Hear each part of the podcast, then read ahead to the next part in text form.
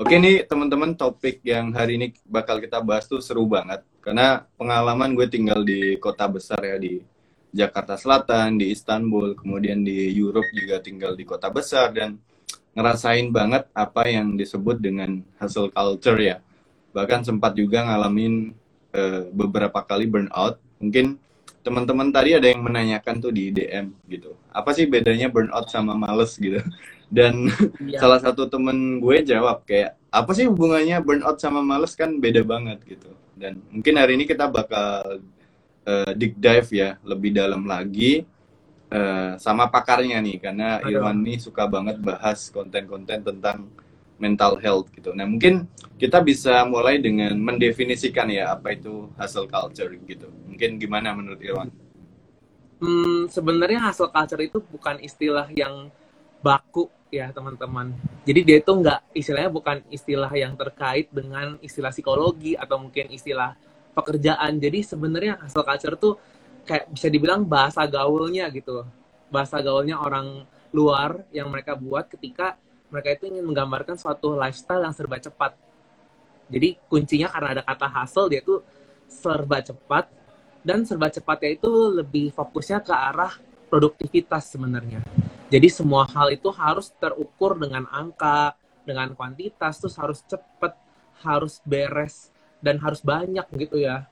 Jadi biasanya tuh hasil kacar itu eh, dampaknya adalah menjadikan diri kita itu terburu-buru dan akhirnya takut ketinggalan itu sih terutama oke keren jadi kata kuncinya kalau menurut Irwan tadi hasil culture itu teman-teman serba cepat dan, uh, dan pikirannya itu produktif produktif produktif ya. gitu terus ya gitu mungkin hmm, Betul. aku sedikit nambahin teman-teman jadi uh, sempat juga riset dan dengerin beberapa sumber gitu bahwa uh, hasil culture itu sebenarnya muncul pada tahun abad 20-an teman-teman di mana orang-orang uh, kulit hitam ya waktu itu yang tinggal di Amerika itu mereka harus bekerja keras gitu untuk uh, yeah. mendapatkan income yang stabil gitu karena mungkin di di US kan ada konflik interrasial ya jadi ada kayak kulit putih dan kulit hitam tuh belum begitu setara sih gitu di di US bahkan Betul. sampai saat ini pun masih sering terjadi konflik kayak gitu ya dan dan gue sendiri tahu kata hustle itu sebenarnya dari Gary, Gary V gitu. Gary Vaynerchuk itu seorang entrepreneur yang mempopulerkan istilah hustle gitu. Dan gue sendiri tahu dari si Gary Vaynerchuk dan benar-benar terinfluence gitu bahwa hustle tuh kayaknya keren banget gitu. Jadi kayak tadi yang berawal dari orang-orang kulit hitam yang uh, mereka istilahnya buat memenuhi kebutuhan ekonomi tapi diubah tuh di abad 21 jadi sesuatu yang keren gitu kalau bahkan kalau orang nggak melakukan hasil tuh terkesannya dia nggak keren, dia nggak nggak produktif gitu ya. Dan dan mungkin kita coba ulas lebih lanjut sih gitu. Gimana menurut Irwan produktivitas itu sebenarnya yang baik itu seperti apa gitu?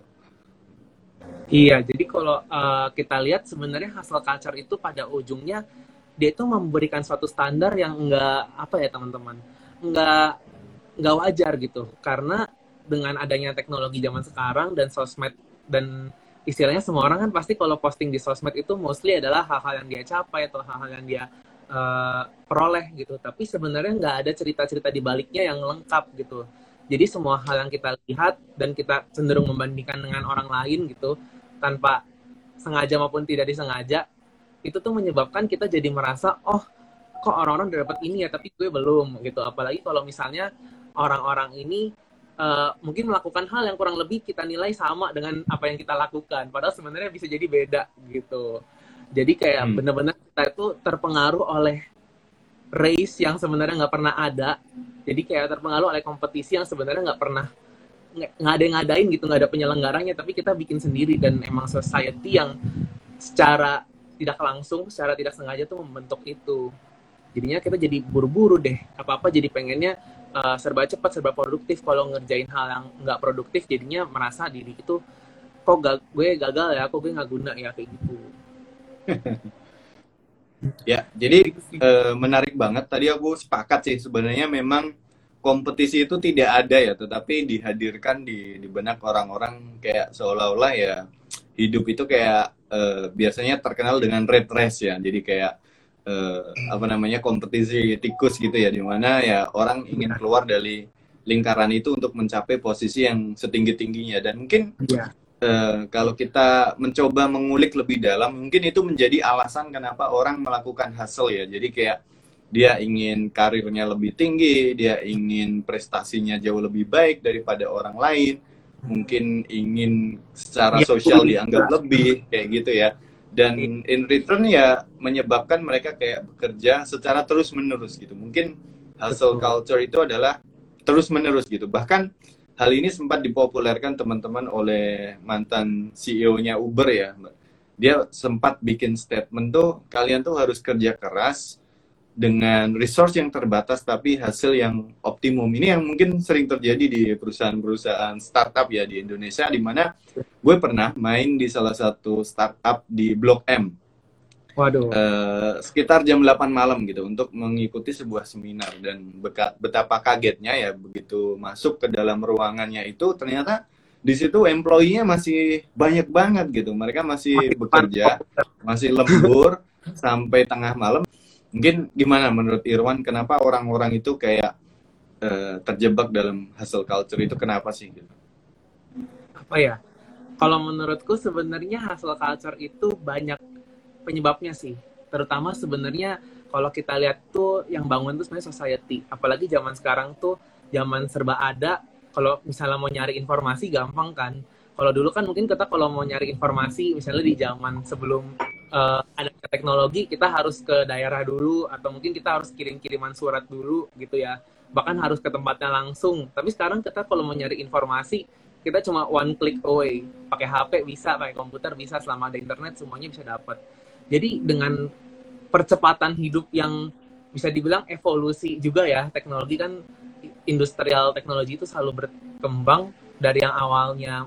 Mungkin kalau angkatan 80-an 90-an mungkin bisa ngerasain tuh peralihan dari zaman-zaman masih SMS gitu sampai sampai sekarang tuh udah dulu mau telepon mesti telepon umum sekarang tuh udah tinggal HP doang itu berasa banget kalau ternyata mengumpulkan informasi itu jadi lebih cepat. Sedangkan proses mengolahnya kan manusia.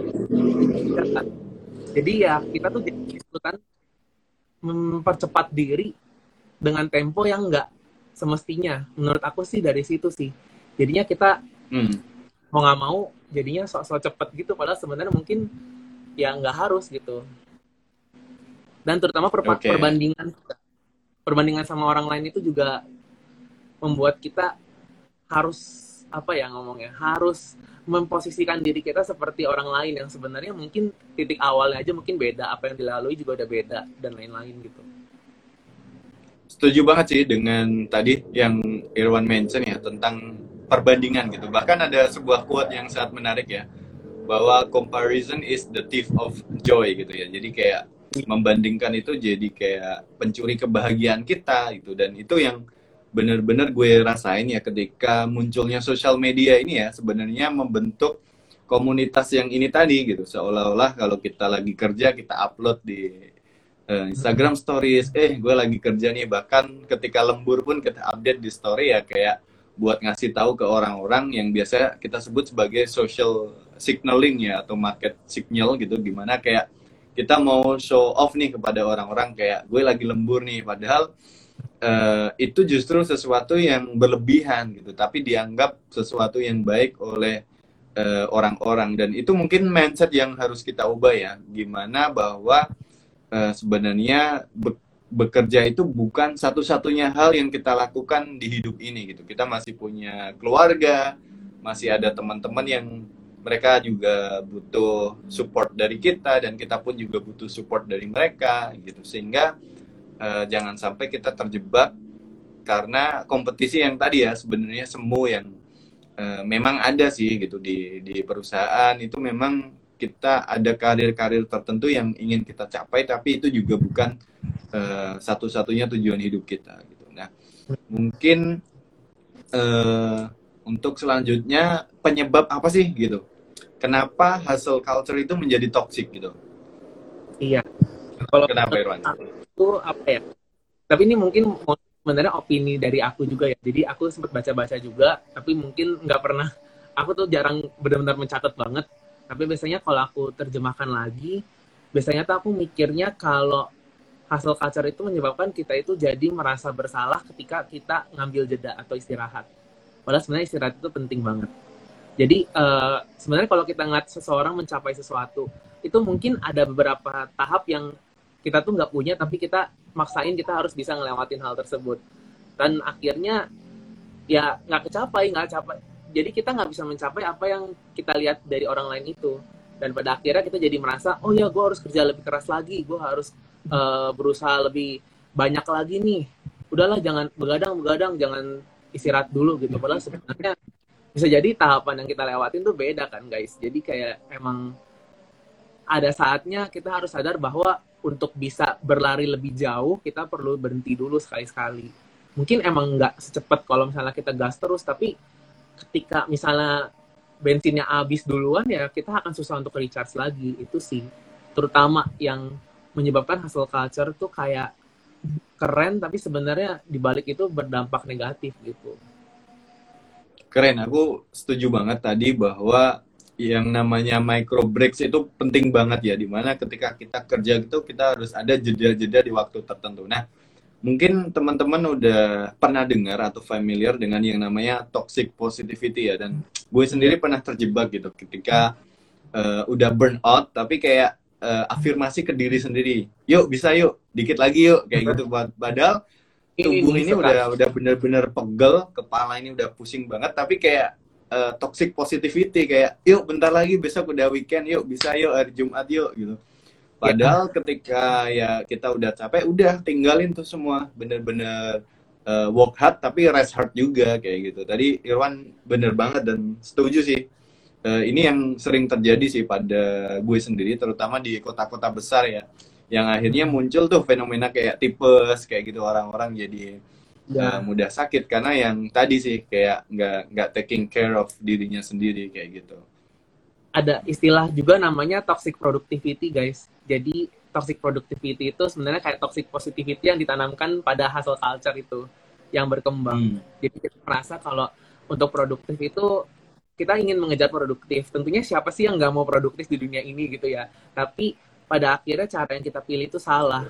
Bisa karena standar yang kita terapkan itu jadi bergeser karena kita melihat orang lain juga karena kita merasa kok kita nggak fulfill standar yang ada di sosial ya? Padahal sebenarnya ya apa yang kita achieve itu mungkin emang udah terbaik untuk saat ini gitu. Jadinya kita overthinking ke masa depan gimana ya kalau misalnya nggak bisa? Padahal kan nggak bisa kita kendalin juga tuh outputnya seperti apa. Tapi kita bisa berusaha dan hmm. kita bisa manage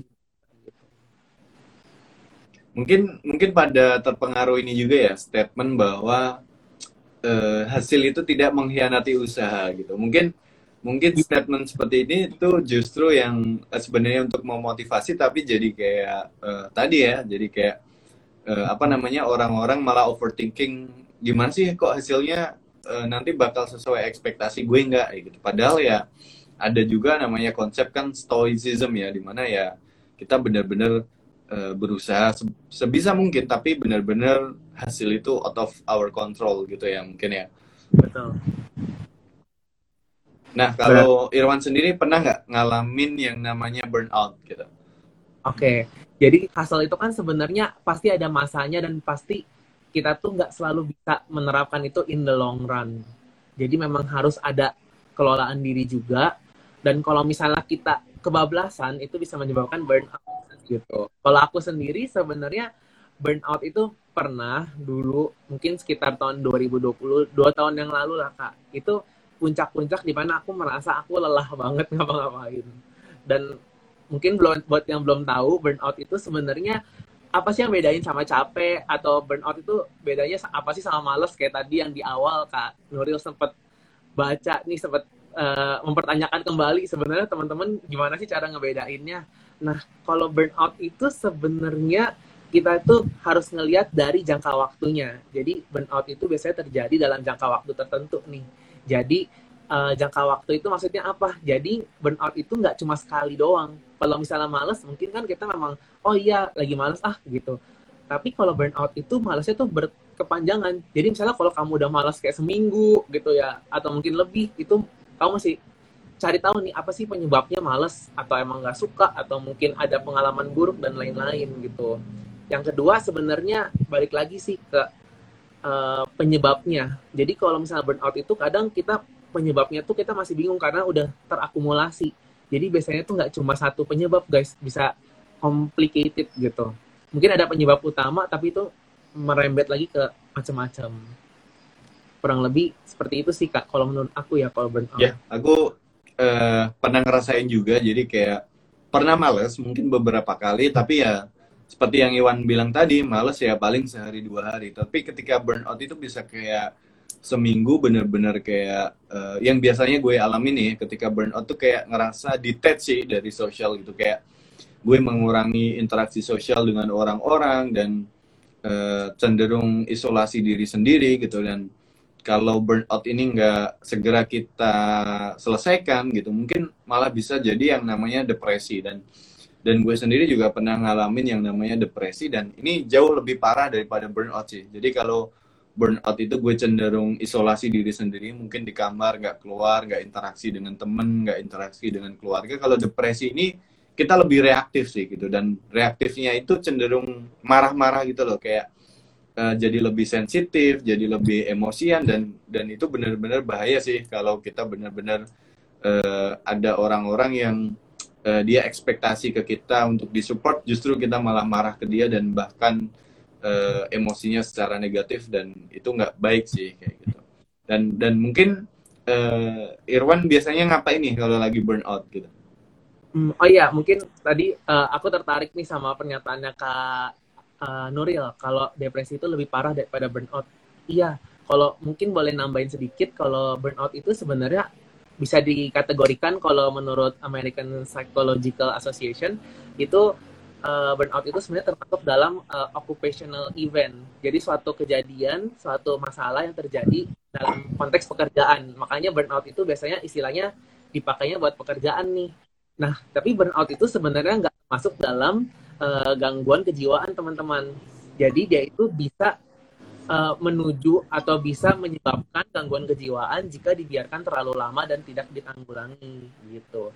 Jadi uh, bukan masuk ke dalam gangguan kejiwaan, tapi kalau misalnya nanti uh, dibiarkan terus menerus, kita nggak cari tahu penyebabnya dan kita nggak coba perbaiki, dia bisa menyebabkan misalnya depresi dan juga uh, akibat uh, yang lain yang buruk gitu kalau misalnya burnout itu sebenarnya banyak orang yang suka bilang gini pasti kak Nuril dan teman-teman juga pernah dengar kata self healing gitu ya. Aku mau self care self gitu. Gitu nah kalau aku pribadi sebenarnya memang self care dan self love itu perlu. Aku pun juga masih melakukan itu dan aku yakin mungkin kita semua pasti juga pernah ngelakuin itu. Baik caranya uh, apa namanya misalnya dengan makan makanan enak atau mungkin kita jalan-jalan atau mungkin kita nelfon orang gitu ya dan lain-lain. Tapi sebenarnya ketika uh, kita self care itu efek yang terjadi itu cuma dalam jangka pendek teman-teman alias short term. Nah kenapa aku bilang jangka pendek? Karena sebenarnya yang paling efektif itu adalah selama kita lagi self care itu kita harus sambil cari tahu juga penyebabnya seperti apa. Apa sih yang menyebabkan kita burnout apakah yang menyebabkan itu uh, kita punya standar yang terlalu tinggi terus kita juga terlalu terbawa oleh pengaruh orang lain? Atau mungkin pengaruhnya itu sebenarnya dari sosial kita? Mungkin memang kita sedang terlalu engage atau terlalu istilahnya bermain gitu dengan circle yang mungkin pada akhirnya nggak sehat gitu. Atau bahkan ada juga dampak yang lebih parah lagi itu misalnya kalau di misalnya di kantor atau di tempat kerja itu bisa dibilang penyebab sistemik kak. Jadi sistemik itu kayak gimana sih guys? Maksudnya adalah memang tempat kita bekerja tempat kita berkarya tempat kita beraktivitas itu menyebabkan kita burnout. Jadi memang kita itu nggak bisa keluar dari sana kecuali atau kita nggak bisa menyebabkan eh kita tidak bisa mengobati si burnout ini unless kita keluar atau sistemnya berubah kayak gitu. Menarik sih yang uh, tentang systemic change tadi karena memang pergerakan ini sudah terjadi di banyak negara ya. Kayak beberapa di Eropa itu sudah menerapkan bener banget tadi kalau Iwan bilang sistem itu yang menentukan kita sih. Karena yang sering terjadi tuh kayak kita udah pulang dari kerja tapi kayak tengah malam tuh kadang di di WA di grup pekerjaan itu kayak nih besok ada deadline nih atau ini ada revisi nih yang kayak mereka itu kayak nggak nggak ngasih kesempatan buat orang bikin salah yang padahal ya itu udah tengah malam dan tentu saja kalau orang ditekan dari atas itu bakal lebih stres dan uh, apa namanya bingung sendiri jadi bikin overthinking juga. Nah ini yang terjadi di Eropa itu kayak great resignation ya jadi kayak orang-orang tuh pada resign gitu. Karena mereka udah tahu sih karena ternyata bekerja dari rumah itu double dan lebih seger juga. Dan beberapa negara juga menerapkan empat hari kerja ya. Mereka mulai uji coba bahwa sebenarnya bekerja itu tidak harus uh, lima hari tapi empat hari itu juga juga cukup teman-teman. Karena ada sebuah penelitian juga bahwa uh, apa namanya lamanya kita bekerja itu tidak menentukan produktivitas kita. Tadi yang sempat Irwan bahas bahwa ada sebuah konsep yang disebut toxic productivity gitu bahwa uh, apa yang sekarang lagi booming di sosial media itu kayak kalau kita bekerja 50 jam sampai 100 jam per minggu itu kan hampir dua kali lipat ya orang-orang mengira bahwa itu bisa lebih produktif padahal ya uh, namanya manusia butuh istirahat dan uh, output itu tidak diukur dengan berapa lamanya kita bekerja ya, tetapi kualitas yang kita berikan pada pekerjaan itu sendiri gitu. Nah mungkin kalau bagaimana cara mengatasi burnout, kalau gue sendiri sih tadi ya back to our goal sih. Jadi kalau gue pernah ngalamin tinggal di kota besar seperti Jakarta gitu dan yang gue alami bahwa kayak tujuan hidup kita itu yang untuk bekerja padahal uh, that's not true ya. Padahal tujuan hidup kita itu banyak, misalnya untuk memberikan dampak sosial gitu, untuk uh, mensupport orang tua kita, untuk mensupport keluarga kita dan itu nggak ada hubungannya sama sekali dengan pekerjaan gitu. Jadi yang yang pertama adalah uh, atur lagi prioritas teman-teman gitu. Pekerjaan itu seberapa penting, keluarga itu seberapa penting, teman itu seberapa penting dan yang kedua adalah teman-teman harus visualisasi sih kayak uh, daily itu kalau kan sekarang lagi rame tuh di TikTok kayak a day in my life kayak gitu ya. Jadi kayak visualisasikan teman-teman kayak uh, satu hari yang ideal buat teman-teman itu seperti apa gitu. Misalnya bangun pagi, ada yang mungkin sepedaan, ada yang mungkin jogging, ada yang mungkin renang. Uh, bisa divisualkan seperti itu. Kalau gue sendiri sih biasanya kalau pagi uh, tematik sih biasanya misalnya kalau hari Sabtu Minggu renang, terus kemudian hari Senin Selasanya sepedaan kayak gitu. Jadi bener-bener kehidupan yang ideal versi gue atau versi teman-teman itu seperti apa sehingga bisa di-adjust sih. Kalau misalnya uh, gue selalu set sih jam 5 sampai jam 6 sore itu misalnya buat ngopi. Ketika ada orang ngajakin gue meeting itu rata-rata gue tolak gitu. Jadi kayak oh enggak nih di jam 5 jam 6 gue udah ada schedule sendiri buat me time gitu. Jadi ketika ada orang propose meeting atau ketemuan jam segitu ya uh, agak jarang gue iyain gitu. Jadi kayak uh, it's okay buat reject ya. Kalau ada orang-orang offer kita itu kita nggak harus selalu mengiyakan gitu. Karena kalau kita udah Betul. punya schedule sendiri ya kasih prioritas ke diri sendiri itu bukan egois sih, tapi karena kita juga punya value dan prioritas yang kita lebih dahulukan gitu sih. Setuju banget sama Kak Nuril ya. Jadi memang perlu bikin batasan juga nih guys, terutama ketika memang uh, dalam kondisi mungkin kita itu udah lelah dan kita memang butuh waktu untuk istilahnya recover gitu. Karena sebenarnya salah satu penyebab burnout itu juga karena kita itu nggak membiarkan diri kita itu untuk punya ruang sendiri. Jadi kita terlalu membiarkan intervensi dari orang lain. Sama tadi aku juga tertarik nih sama uh, omongannya Kak Nuril terkait yang a day in my life gitu Nah sekarang ini kan banyak banget nih kayak uh, misalnya kayak konten-konten yang isinya tuh kayak sehari itu cepet banget gitu. Terus misalnya tiba-tiba bikin apa atau udah jadi gitu ya misalnya kayak gitu. gitu. itu ke sana kayak cepet banget gitu. Padahal sebenarnya kenyataannya itu mungkin butuh waktu jam-jaman atau mungkin hari gitu ya. Tapi kayak kesannya cepet banget dan uh, memang itu perlu diingat lagi sih guys kalau apa yang kita lihat di sosmed itu mostly itu udah diedit atau mungkin uh, ada juga yang nggak diedit tapi sebenarnya itu butuh waktu juga guys jadi kita nggak pernah tahu behind apa yang kita lihat itu seperti apa termasuk kita ngeliat orang lain ih dia udah achieve ini atau mungkin dia udah keren banget ya atau mungkin udah mencapai apa apa tapi sebenarnya ya di balik itu juga pasti adalah uh, hal-hal yang mungkin sebenarnya ya dia nggak nyaman juga ngelewatinnya atau kita kan never know ya sebenarnya di balik itu ada apa aja. Oke, okay, gitu. keren banget. Ya, mungkin kita ke Q&A ya, ada beberapa ya, pertanyaan. Mari kita baca. Oke, coba aku tampilin satu. Keluar nggak? Tuh. Kak, kalau kita udah di titik burnout, apakah kita harus keluar di dalam pekerjaan oh, iya. tersebut? Gimana, Iron? Nah, ini pertanyaannya sering banget dibahas nih teman-teman ya. Jadi waktu itu aku juga pernah ngobrolin ini sama beberapa teman aku dan mungkin beberapa uh, sesi juga uh, di IG live sebelumnya atau di webinar sebelumnya itu aku sempat uh, tanya juga kak emang resign tuh jadi solusi ya gitu kan nah sebenarnya bisa dibilang kalau menurut aku pribadi iya sih jadi kayak ketika memang satu tempat itu sudah tidak bisa menyiapkan atau menyediakan safe space buat kamu untuk berkembang dan berkarya juga, lebih baik coba tinggalkan. Tapi balik lagi nih teman-teman, kita cek dulu safety net kita udah seberapa.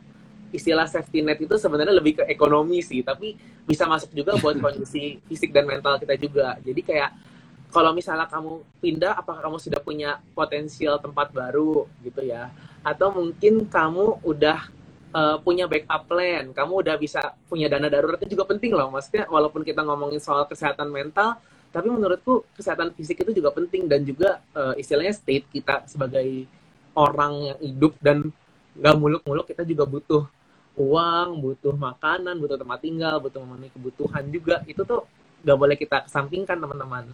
Jadi ya balik lagi ngecek dulu nih. Oh iya kondisinya seperti apa? Udah oke okay belum gitu dan kalau misalnya safety net kita oke okay, ya kenapa nggak resign aja kenapa nggak cabut aja gitu kayak we deserve better gitu jadi kayak diletet lagi tapi uh, ke safety netnya oke okay. kalau kalau aku mungkin ini ya pengalaman sendiri pernah terjebak dalam suatu perusahaan yang benar-benar culture-nya itu toxic gitu kenapa toxic gitu misalnya uh, orang-orang yang sebenarnya lembur itu kan sebuah pilihan ya. Kalau kalian mau lembur boleh. Kalau tidak tidak. Tapi di di culture itu muncul kayak paksaan gitu gitu. Kemudian uh, ketika kita mau mengajukan cuti itu kayak dipersulit gitu loh. Kayak kenapa cuti? gitu.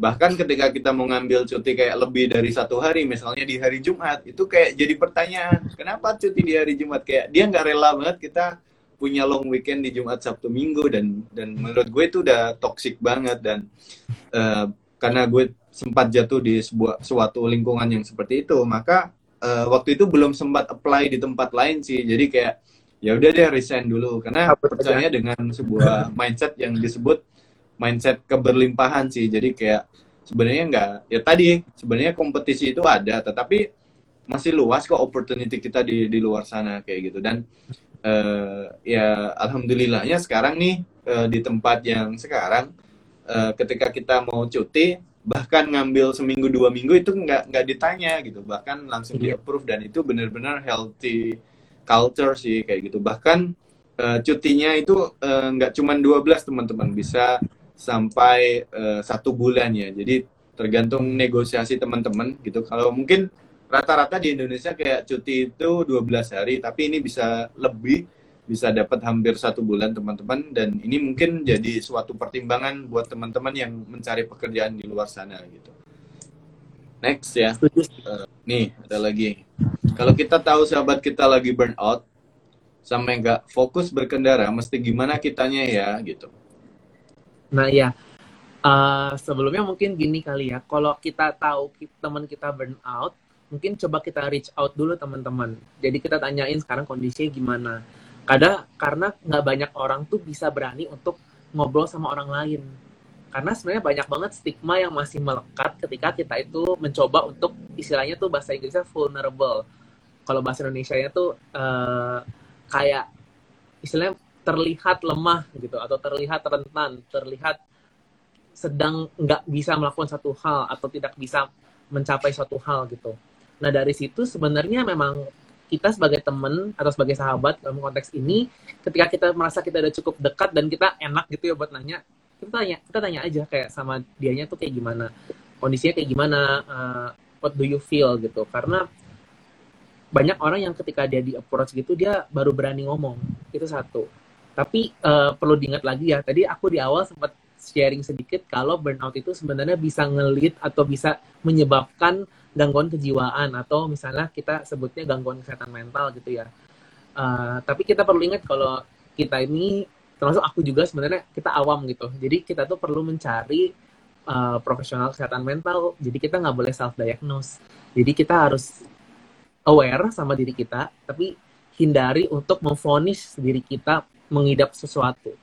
Jadi kalau misalnya ada orang yang bilang, uh, misalnya, aduh gue depresi nih gitu atau mungkin gitu. Nah sebenarnya udah bagus kita udah punya kesadaran tentang hal itu. Tapi ada baiknya kita itu berkonsultasi pada ahli sehingga kita bisa mastiin oh iya emang sebenarnya aku tuh apa sih yang terjadi pada diriku gitu dan mereka mungkin punya panduan yang udah tersertifikasi juga ya untuk bisa memastikan atau mungkin memberikan cara bagaimana caranya kita menanganinya gitu karena banyak okay. banget nih ntar jadinya romantisasi gitu kayak aduh depresi padahal sebenarnya mungkin enggak atau mungkin malah kalau misalnya yang ini ya kalau yang nakal mungkin malah jadinya berlindung di balik nama mental health gitu ngeluarin kartu mental health. Aduh gue lagi stres nih lagi depresi jangan ganggu gue. Padahal mas sebenarnya pengen kabur dari tanggung jawab nanti kayak gitu tuh. Nah itu harus agak hati-hati sih teman-teman. Ada baiknya ke profesional.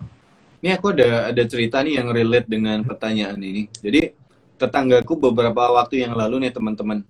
Jadi dia itu punya usaha gitu bisnis jual beli komputer second ya gitu dan waktu itu mereka berdua naik motor dari daerah Solo menuju ke Ngawi ya daerah Jawa Timur situ gitu. Kemudian eh, ketika udah sampai gitu dia udah ngambil komputernya itu ketika mau balik ke daerah Solo sebenarnya si temennya yang bawa motor itu dia udah capek gitu ya mungkin burnout gitu ya udah eh, apa namanya bekerja seharian gitu.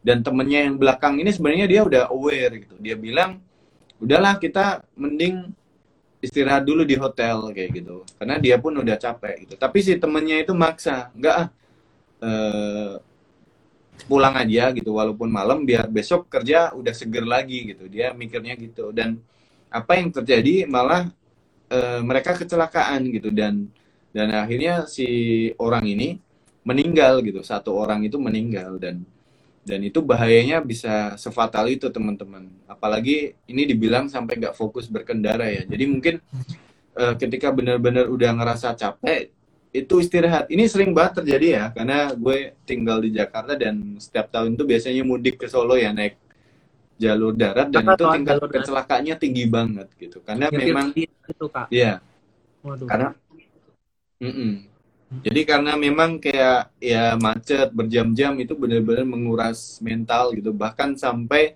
ketika kita udah turun dari kendaraan itu kayak kepalanya itu kayak masih gerak-gerak aja gitu loh. Sampai segitunya sih efek dari uh, traffic yang panjang banget itu. Ini ada pertanyaan lagi dari Mas Dipta. Bagaimana cara untuk menyingkirkan pikiran untuk stigma negatif? Gitu? Kalau untuk stigma negatif ya, sebenarnya banyak banget orang yang menstigma orang yang nggak kuat hustle gitu ya. Orang yang memilih untuk uh, santai aja gitu misalnya. Itu tuh uh, bagaimana cara menampiknya atau mungkin tetap menjadi diri sendiri aja gitu. Dengan pace kita sendiri dengan kemampuan kita sendiri dan apa yang kita pengen lakuin. Mungkin balik lagi sih ke bagaimana caranya kita itu tadi kan kita sempat nyinggung tentang stois ya tentang dikotomi kendali itu penting banget teman-teman buat tahu apa yang bisa kita kendalikan sama yang enggak. Jadi sebenarnya apa yang bisa kita kendalikan itu mostly adalah pikiran dan perasaan kita. Jadi sebenarnya apa yang ada dalam diri kita sama apa yang kita lakukan. Jadi bagaimana caranya kita memberikan respon pada sekitar kita, pada kejadian-kejadian di sekitar kita, pada omongan orang lain tentang diri kita gitu. Sedangkan apa yang dilakukan sama orang lain, terus apa yang terjadi di dunia ini gitu, itu nggak bisa kita kendalikan tapi sebenarnya kita perlu ingat teman-teman bahwa ada titik di mana pertemuan antara dua hal itu. Jadi ada hal yang sebenarnya bisa kita usahakan sehingga kejadiannya seperti apa yang kita mauin atau kita lakukan gitu. Nah, ketika kita melakukan dikotomi kendali ini, apa hubungannya sama stigma dan hasil? Ya jadinya kita tahu kalau stigma itu adalah hal yang nggak bisa kita kendalikan. Jadi stigma itu datangnya dari luar teman-teman. Dan kadang tuh kita selalu berusaha untuk kita yang mengubah gitu. Padahal sebenarnya pada kita lihat pada saat kita lihat yang kita bisa lakukan itu bukan mengubah stigma itu, tapi bagaimana kita ngerespon terhadap stigma itu sehingga ya udah deh jadinya uh, gue tetap bisa berpendirian sendiri. Ter, jadi nggak terlalu terpengaruh oleh stigma-stigma negatif itu. Jadi ya long story shortnya itu adalah atau pendeknya adalah cara menyingkirkannya adalah sadari bahwa stigma itu nggak bisa kita ubah sedemikian rupa. Orang lain kalau mau ngasih stigma ke kita itu suka-suka dia tapi bagaimana kita ngerespon itu masih full di bawah kendali kita kok. Gitu. Oke ini ini menarik banget nih kalau ngomongin stigma negatif dan aku mau tarik sedikit kembali ke hustle culture ya di mana ketika orang-orang itu kerja keras gitu ini menyebabkan orang-orang yang tidak bekerja sekeras dia itu seolah-olah mendapatkan stigma atau label negatif ya. Dan ini sering banget terjadi di kantor gitu. Dan gue pernah banget ngerasain gitu. Ketika kerja itu kan biasanya 9 to 5 ya, jam 5 kita pulang gitu. Iya. Ketika gue pulang on time tuh kayak teman-teman kantor gitu kayak eh tenggo nih, tenggo nih kayak gitu loh kayak Oh, kok gue jadi yang dikecam, gue kan kerja profesional gitu. Kontrak gue kan kerja di jam kerja. Kalau udah itu ya gue pulang gue ada urusan lain. Tapi kayak orang-orang tuh ngasih stigma negatif-negatif seperti itu gitu. Bahkan uh, ketika misalnya weekend kayak orang-orang tuh kan masih produktif aja ya. Padahal hari weekend ya kayak entah dia bikin konten entah dia ikutan webinar ikutan seminar. Sehingga kayak orang-orang yang pergi ke sinema ke bioskop tuh kayak pergi ke kafe buat sekedar ngopi tuh kayak diklaim lo kok buang-buang waktu gitu sih? Padahal ya uh, kembali lagi ini hustle culture-nya malah berubah jadi toxic gitu. Yang yang awalnya bagus banget kayak tadi kan kita bahas buat orang-orang yang uh, masih hidup di bawah standar mereka mencoba naik ke atas gitu. Untuk level up kehidupannya mereka dan itu kan bagus banget gitu. Sampai akhirnya uh, malah jadi kayak uh, kompetisi yang sebenarnya semu yang sebenarnya nggak ada kayak gitu. Dan seperti yang Iwan bilang tadi sih kayak uh, itu mindset kita harus lawan sih. Jadi kayak it's okay kok kalau gue uh, kerja pulang tenggo. It's okay kok kalau setelah uh, kerja di perusahaan gue di rumah rebahan nonton TV uh, hangout dengan temen dengan keluarga. It's okay kok itu nggak nggak masalah kayak gitu. Dan bahkan di weekend pun kita istirahat itu juga nggak masalah gitu. Hmm. Tapi sebenarnya ada satu poin yang pengen aku bahas juga deh sedikit ini gimana kalau misalnya ternyata kita lebih hasil dari orang lain? Nah itu tuh kadang-kadang kan uh, ada kondisi di mana mungkin orang lain tuh menilai kita tuh lebih hasil dari mereka gitu ya. Itu sebenarnya menurut aku hasil atau enggak itu sebenarnya harus balik lagi ke masing-masing sih. Karena ada beberapa orang yang memang mungkin punya kapasitas mengerjakan kegiatan A lebih dari yang lain. Tapi aku yakin orang lain juga pasti ada kemampuannya masing-masing lah jadi mungkin ada orang yang lebih kuat ngomong depan umum lebih banyak, ada orang-orang yang lebih kuat misalnya menggambar lebih banyak daripada orang lain. Ada yang lebih kuat lagi misalnya nulis atau mungkin masak, ngedesain dan lain-lain itu banyak sebenarnya. Kapasitas tiap orang tuh beda-beda. Cuma yang jadi toxic itu adalah ketika kita mulai ngebanding-bandingin, terus gimana caranya kita bersikap terhadap perbandingan itu itu yang mulai perlu diingat sih teman-teman. Jadi ketika kamu memang merasa kamu bisa dan kamu punya tenaga yang cukup, kamu udah mempertimbangkan semua hal gitu, dan kamu pengen melakukan hal itu ya silakan aja gitu. Cuma ya tahu risikonya juga dan melakukannya secara sadar gitu. Karena biasanya hasil culture tuh secara nggak sadar masuk gitu, padahal sebenarnya kita bisa kendalikan gitu. Ya, aku setuju banget sih itu pernah ngerasain sendiri gitu karena pernah studi di Asia gitu dan juga pernah studi di Eropa gitu dan kebiasaan nih orang tua dan lingkungan kita. Misalnya gue dapat matematika 90 dan ada temen yang mendapatkan 100 tuh kayak eh itu anaknya tetangga dia bisa kok matematikanya dapat 100 gitu. Tapi ketika di Eropa itu kayak nobody cares gitu loh. Kayak yang penting gue bisa ngerjain apa yang bener-bener gue passionate. Kalau matematika gue biasa aja tapi karena gue misalnya suka menggambar di kelas seni rupa itu gue dapat 100 gue udah happy banget gitu nggak nggak peduli di matematika yang tadi kayak gitu tapi apa yang terjadi di kultur Asia ini ya yang sering terjadi adalah itu tadi comparison padahal ya kita nggak nggak really care gitu sebenarnya gitu. iya bener banget tuh kak ada pertanyaan lagi nih kak kayaknya ada nih masih lumayan banyak Ini nih, ada lagi nih, bagus. Yang mana nih, Kak? Itu udah muncul di screen belum? Loyalitas terhadap perusahaan dipertanyakan. Kalau kita tidak full day untuk perusahaan daripada kehidupan pribadi. Hmm, ini menarik ya sebenarnya. Tapi ini salah satu uh, hal yang tadi aku sempat sebut di penyebab uh, burnout ketika hustle culture itu mulai melanda gitu ya. Karena biasanya uh, perusahaan itu yang baik harusnya juga bisa melihat well-being karyawannya. Jadi mungkin kalau di kantor aku sendiri, tapi ini bukan pamer ya guys. Jadi uh, sebenarnya kita tuh bahkan udah ada menyediakan jasa konseling juga gitu. Jadi kita ada kerjasama sama uh, apa namanya penyedia psikolog gitu. Jadi memang uh, sebenarnya itu tuh juga harus penting. Jadi ketika yang dibilang loyalitas itu sebenarnya biasanya tuh suka dikaitkan dengan kamu tuh harus terikat gitu ya terikat istilahnya kamu nggak boleh punya urusan lain kamu cuma boleh urusin kerjaan aja. Padahal sebenarnya ketika seseorang diberikan kesempatan untuk bisa berkembang di luar gitu ya masa nggak cuma ngurusin kerjaan aja yang di dalam perusahaan itu apa yang dia bisa give back ke perusahaan itu justru lebih besar.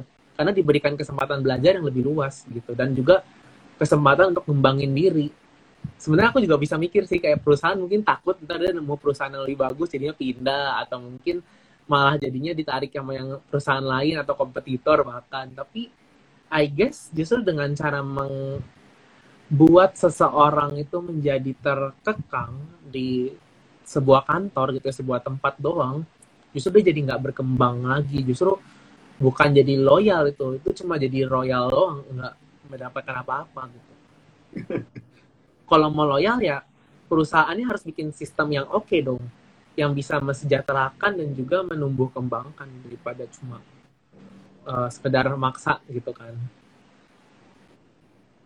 Oke, okay. setuju banget sih. Jadi memang ada salah satu statement tuh dari Simon Sinek ya. Jadi salah satu leader lah di di dunia bisnis yang dia menyebutkan bahwa sebuah perusahaan itu harusnya menempatkan people gitu sebagai salah satu tujuan utama dia membangun bisnis tersebut gitu. Dan ini benar-benar yang sama kayak Irwan tadi di perusahaan tempat gue e, bekerja saat ini berkarya saat ini itu salah satu OKR ya. Jadi kita punya tiga objektif gitu KPI dan salah satu KPI-nya itu tentang people gitu. Gimana membuat orang-orang yang di dalam perusahaan itu lebih happy gitu. Lebih bisa loyal terhadap perusahaan. Dan salah satunya yang tadi Irwan bilang mereka juga menyediakan konseling uh, dia kasih apa namanya sesi gitu untuk curhat kepada terapis gitu jika terjadi suatu masalah gitu. Dan dan bahkan di setiap bulan itu mereka ada budget untuk melakukan kayak engagement gitu lah activity kayak kita tuh di sini nggak cuma kerja gitu. Kalau teman-teman mau bikin kegiatan, kita ada kok dana. Misalnya di di kantor gitu, kita pernah painting bareng gitu. Kemudian kita pernah main game bareng. Itu benar-benar pakai dana dari perusahaan. Kita dikasih makan, dikasih minum gitu. Dan bahkan sesekali kita juga pergi lunch bareng gitu. Dan itu disponsori oleh perusahaan. Dan itu benar-benar uh, ngebuat orang itu happy dan in return malah lebih loyal pada perusahaan tadi ya tapi kalau uh, loyalitas itu ditekan, dibully itu malah justru membuat si orang tersebut nggak nggak betah di perusahaan itu dan malah se secepat mungkin mungkin kabur ya dari dari perusahaan itu. Gitu. Iya benar banget. Dan balik lagi sih ke orang-orang yang ada di perusahaannya juga ya. Ketika perusahaannya punya sistem yang sehat, aku yakin deh mayoritas dari karyawannya atau orang-orang di dalamnya juga pasti punya mindset yang sehat gitu, mindset yang nggak toxic dan nggak bikin pressure ketika bekerja. Oke. Okay. Next question ya. Ini ada yang menarik nih kak, yang dari Viani Andes A 11. Oke, okay, aku ambil ya. Ya. Kak, ketika kita dalam kondisi burnout, tapi waktu nggak memungkinkan untuk ambil waktu istirahat gimana ya? Nah, ini menarik nih. Ketika kita memang mungkin nggak sempat istirahat gitu ya, benar nggak ada nih deadline-nya kenceng banget gitu. Nah, kira-kira gimana gitu? Caranya adalah kita kenalin dulu penyebabnya apa. Jadi sebenarnya kan memang akarnya itu dari penyebabnya. Setidaknya kalau kamu udah aware sama penyebabnya, kamu tuh udah bisa merumuskan gitu loh, kayak oh yang terjadi pada diriku tuh hal ini loh gitu.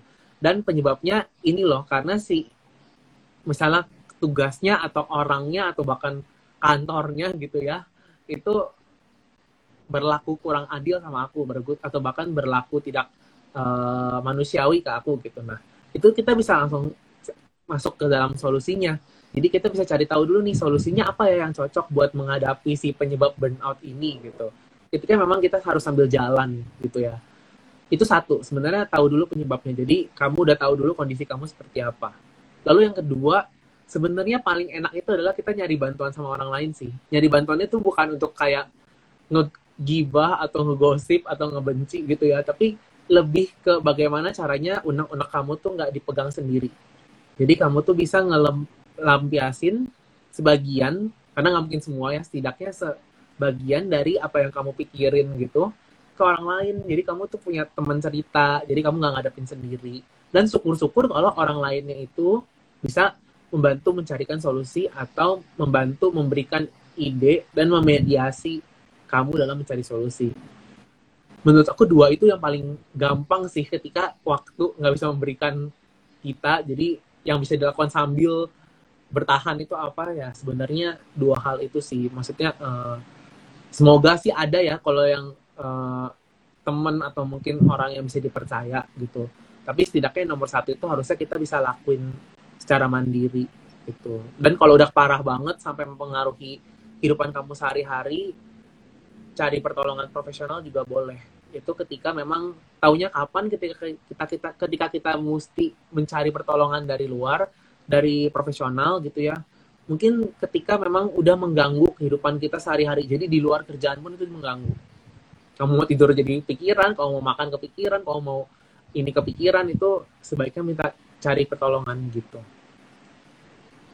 Oke, aku jadi ingat sebuah statement nih yang biasanya ditanyakan, terutama dalam uh, budaya culture startup ya, di mana kayak orang-orang tuh nanya, mana sih yang lebih penting antara kualitas dan deadline gitu. Jadi kayak kita dijebak nih antara kualitas sama deadline dan ini relate banget sih dengan uh, biasanya kita itu suka banget burnout karena udah dekat dengan deadline tersebut gitu dan kalau kita pakai mindsetnya si startup biasanya dia kayak better apa namanya kualitasnya nggak begitu bagus tapi masih tetap on time gitu. Jadi mungkin kalau teman-teman yang kerja di startup mungkin ini sering terjadi ya kayak oke okay lah kualitasnya nggak nggak gitu-gitu bagus nggak apa-apa yang penting masih on time. Tapi di perusahaan tempat gue bekerja saat ini gitu kita kayak ketika lo dalam kondisi yang lagi nggak bener-bener baik ya udah lo lebih penting gitu loh. Jadi kayak lo istirahat dulu lo istirahat aja ambil cuti di rumah.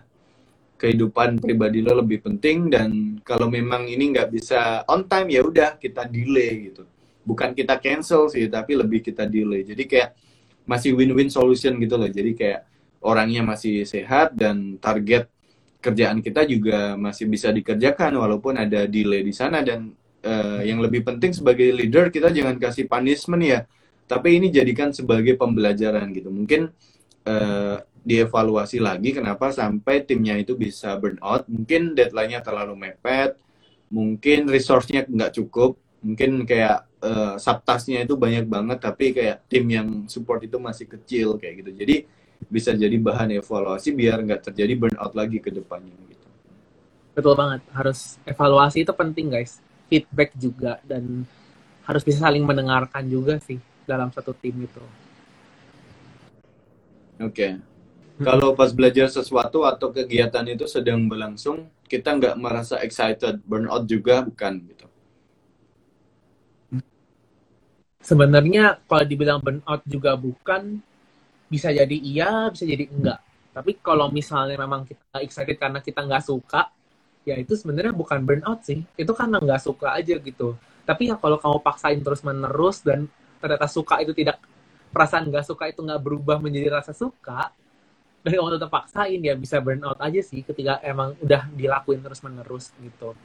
Tapi kalau dalam konteks pertanyaannya Mbak Sari ini uh, bukan sih kalau menurut aku. Soalnya kalau kalau burnout itu sebenarnya ketika sudah mempelajari dan berkegiatan tapi kamunya itu bukan nggak merasa excited tapi kok merasa lelah terus kamu juga bingung kenapa lelah ya gitu.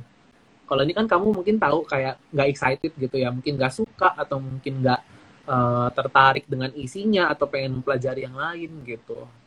Kalau menurut Kanuril gimana dalam case-nya Kasarin uh, bener banget sih. Jadi memang uh, tadi ya kembali lagi ke definisi burnout adalah salah satunya dia menarik diri ya dan dan ini bisa dinotis sih kayak misalnya gue hobi nonton film di bioskop gitu. Dan ketika terjadi burnout tuh kayak diajakin temen diajakin keluarga buat nonton tuh nggak nggak excited gitu. Mungkin gue lagi burnout dan butuh nggak ngapa-ngapain. Do nothing itu juga penting sih uh, sesekali gitu. Nggak nggak ngapa-ngapain seharian gitu. Bahkan semingguan juga nggak apa-apa nggak ngapa-ngapain gitu. Nah tapi kalau dalam konteks nggak excited bukan karena burnout ya mungkin memang karena nggak ada interestnya sih di sana gitu. Misalnya kayak anak uh, teknik nih biasanya di, diajak ngomongin hal-hal yang berbau sosial dia agak kurang peka gitu. Mungkin ya. sebaliknya juga anak-anak sosial mungkin diajak ngomongin engineering mungkin nggak nggak nyambung juga gitu. Karena memang purely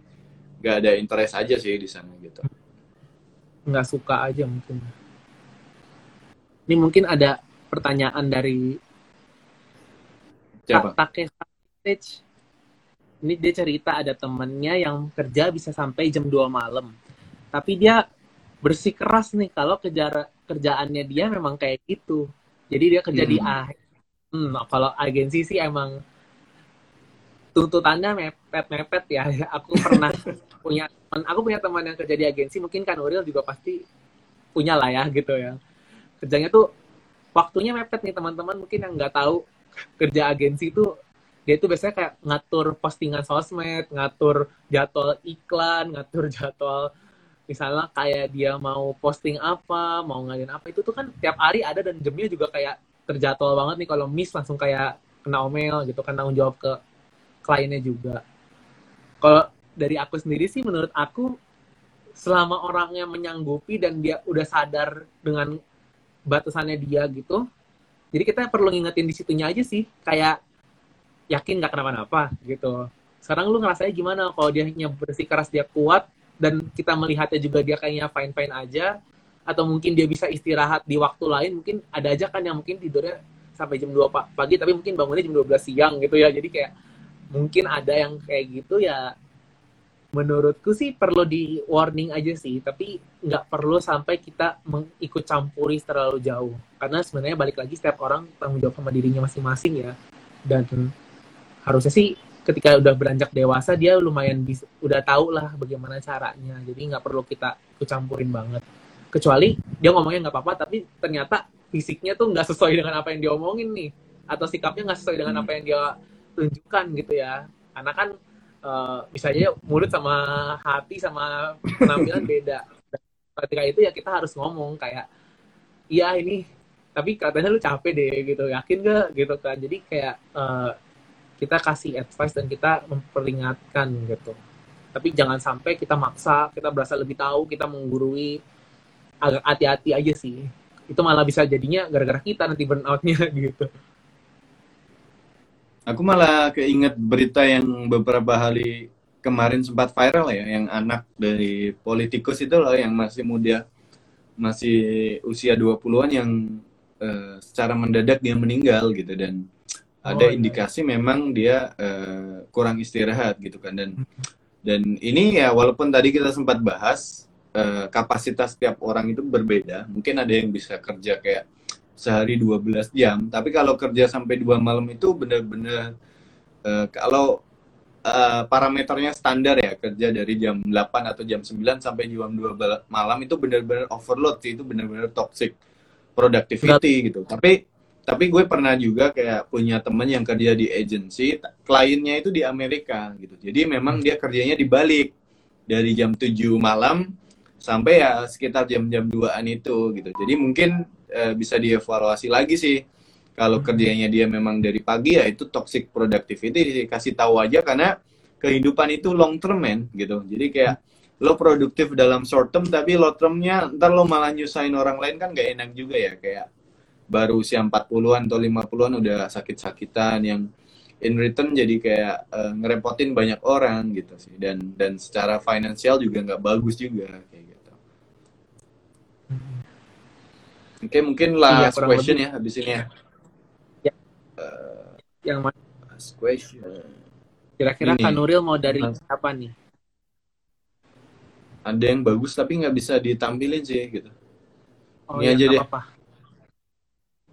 Tuh, Kak, burnout sebagai wanita karir yang juga ngurus rumah, itu drama atau emang wajar ada? Uh, wajar sih, karena nggak ada ya. Sebenarnya ada sih, kadang-kadang orang ber karena udah tahu nih saking tahunya sama kondisi mental health, tapi dia malah jadi menggunakan kartu mental health itu sebagai excuse gitu ya, atau sebagai alasan gitu. Tapi ketika dalam konteks ini adalah kamu sudah mengurus rumah, terus kamu bekerja juga, dan mungkin ngurus anak juga kalau udah punya anak gitu ya itu wajar banget sih malah sangat wajar gitu. Dan itu bisa terjadi pada siapa pun ya teman-teman. Apa pun pekerjaan kamu terus uh, apa pun latar belakang kehidupan kamu gitu itu bisa terjadi. Dan dan apalagi dia bilang no me time ya. Iyalah gitu karena ketika kita udah terlalu banyak engage dengan orang lain ya kita juga butuh waktu untuk bisa nge-recharge lagi diri kita sendiri gitu. Karena kalau dia bilang nggak ada me time itu berarti kita nggak ada batasan untuk diri kita sendiri. Dan itu lumayan bahaya ya gitu. Jadi ya nggak sama sekali drama nih uh, buat kak Kairin Safa gitu ya. Itu nggak nggak sama sekali drama kok dan itu wajar. Oke, kalau dari aku sih tadi ya sempat kita bahas di awal yang namanya priority sih. Jadi kayak uh, kalau ini yang namanya burnout mungkin dia udah di luar kapasitasnya ya. Mungkin ya jadi bisa di diatur ulang lagi. Mana sih yang lebih penting gitu? Jadi wanita karir atau ngurus rumah gitu. Karena nggak sebenarnya mindset ini juga penting sih. Nggak ada yang salah kok kalau e, namanya wanita itu mengurus e, rumah gitu. Karena mungkin dari sisi si cowoknya itu udah udah mencari nafkah gitu. Jadi kayak dia udah bekerja keras. Kecuali si cowoknya itu ada masalah e, dia nggak dapat job-job gitu. Jadi kayak keduanya harus kerja gitu. Atau pendapatan si cowok itu masih kurang. Jadi si ceweknya harus bantuin kayak gitu. Jadi kayak tujuan kamu untuk jadi wanita karir itu apa gitu. Kalau untuk ngebantu rumah tangga karena case-nya tadi si cowoknya ternyata masih belum uh, secara finansial bagus jadi kamu bisa support sih gitu. Karena terus kalau untuk ngurus sebenarnya uh, banyak case untuk uh, keluarga gue dan beberapa teman-teman gue itu mereka uh, sewa asisten rumah tangga sih. Jadi kayak untuk pekerjaan kayak ngerapiin rumah, masak itu sesekali bisa pakai jasa-jasa seperti itu sih. Kalau misalnya nggak nggak mau ambil bulanan bisa kok ambil misalnya Gojek itu dia juga ada services kayak Go Clean ya. Jadi bisa dipanggil buat ngebersihin rumah dan itu per jamnya terjangkau masih sekitar 100 ribu teman-teman. Kalau di daerah Jabotabek setahu gue bisa uh, ada yang Go Clean tadi dan gue sempat sering banget pakai itu kayak sebulan sekali uh, buat ngebersihin dan kayak belanja rumahan juga kayak ada servis-servis banyak kan kayak ada sayur box yang kita bisa nggak perlu lagi ke pasar dia nyariin kayak bahan-bahan kayak gitu sih gitu. jadi kayak pinter-pinter aja atur prioritas. Ini apalagi kalau wanita karir berarti suaminya asumsinya bekerja juga jadi kayak income-nya pasti lebih besar kan. Ya jadi kayak alokasiin dikit lah buat ngebantuin rumah tangga. Iya sih aku setuju juga kayak uh, nggak perlu sampai kadang tuh mikirnya kayak sayang uang gitu sayang duit tapi sebenarnya kadang-kadang memang ada momen di mana kita perlu sacrifice juga sih. Sama mungkin bisa juga mungkin mencari peluang karir lain yang mungkin bisa memungkinkan uh, ibu ya berarti atau wanita karir ini untuk kerja di rumah gitu misalnya atau mungkin cari opsi-opsi lain. Jadi sebenarnya burnout itu sebagai tanda juga sih guys. Ada ada sesuatu hal yang mungkin perlu diperbaiki dan mungkin entah cara uh, kamu mengurus rumah atau mungkin cara kamu melakukan pekerjaan kamu sekarang, tempat kerja kamu atau lingkungan rumah kamu itu bisa kita coba lihat lagi nih, apa sih yang membuat aku burn out gitu. Karena dengan kadar yang pas, dengan lingkungan yang sehat dan semuanya sesuai dengan kapasitas kita harusnya sih nggak sampai burn out ya. Capek mungkin iya, tapi burn out bisa diatasi sebelum sampai ke burn out itu sih capek. Oke, okay, mungkin closing statement nih sekalian kita tutup. Irwan? Ya, jadi uh, makasih yang udah nonton buat teman-teman semuanya. Uh, mungkin closing statement dari aku sih di masa pandemi ini sangat meningkat ya sebenarnya risiko kita untuk bisa terjadi burnout dalam diri kita. Cuma mungkin perlu disadarin lagi teman-teman bahwa uh, pada saat ini sebenarnya dengan bertahan hidup aja tuh udah oke okay banget gitu. Karena biasanya burnout itu kan terkait dengan pekerjaan, terkait dengan achievement, dengan productivity. Ya mungkin kamu ada saatnya di mana kamu bisa ngegas dan kamu boleh kok kalau mau ngegas juga selama kamu tahu kapasitas kamu. Tapi tahu juga ya cara untuk ngerem. Karena banyak orang yang udah ngegas terus remnya tiba-tiba blong nih nggak tahu gimana caranya. Dan that's why harus bisa atur-atur diri juga. Gitu sih kalau dari aku. Oke okay. kalau dari aku mungkin kita harus reverse kembali ya. Kayak definisikan ulang hustle culture gitu. Karena selama ini kayak uh, bekerja overtime kemudian kayak di weekend pun kita harus kerja itu kayak stigma yang positif gitu. Dan kita sering banget ngelihat itu di sosial media padahal itu nggak nggak nggak wajar teman-teman. Jadi kayak uh, that's not okay that's toxic gitu. Jadi kayak pro, toxic productivity dan toxic positivity yang tadi sempat kita bahas. Kalau memang udah saatnya istirahat ya istirahat gitu. Dan uh, apa namanya definisi sukses itu juga teman-teman sendiri yang mendefinisikan gitu. Mungkin untuk sebagian orang karir yang tinggi hidup di kota itu adalah sukses buat mereka. Tapi banyak case juga kok yang orang-orang tinggal di Jakarta itu cuma buat ngumpulin modal, dia balik ke kampung halamannya, dia bangun kampung halamannya dan itu juga sukses gitu. Dan mungkin tadi karena ada ibu-ibu juga eh, nggak uh, ada yang salah dengan menjadi seorang ibu rumah tangga ya menurut gue dan uh, itu benar-benar job yang tiring gitu menjadi ibu rumah tangga taking care the house and the children itu juga sebuah pekerjaan yang mulia gitu nggak ada yang salah juga gitu. Oke okay, thank you semua. Tetap tetap okay. sehat ya. Thank you Ron. Sama-sama Kanuril makasih untuk kesempatannya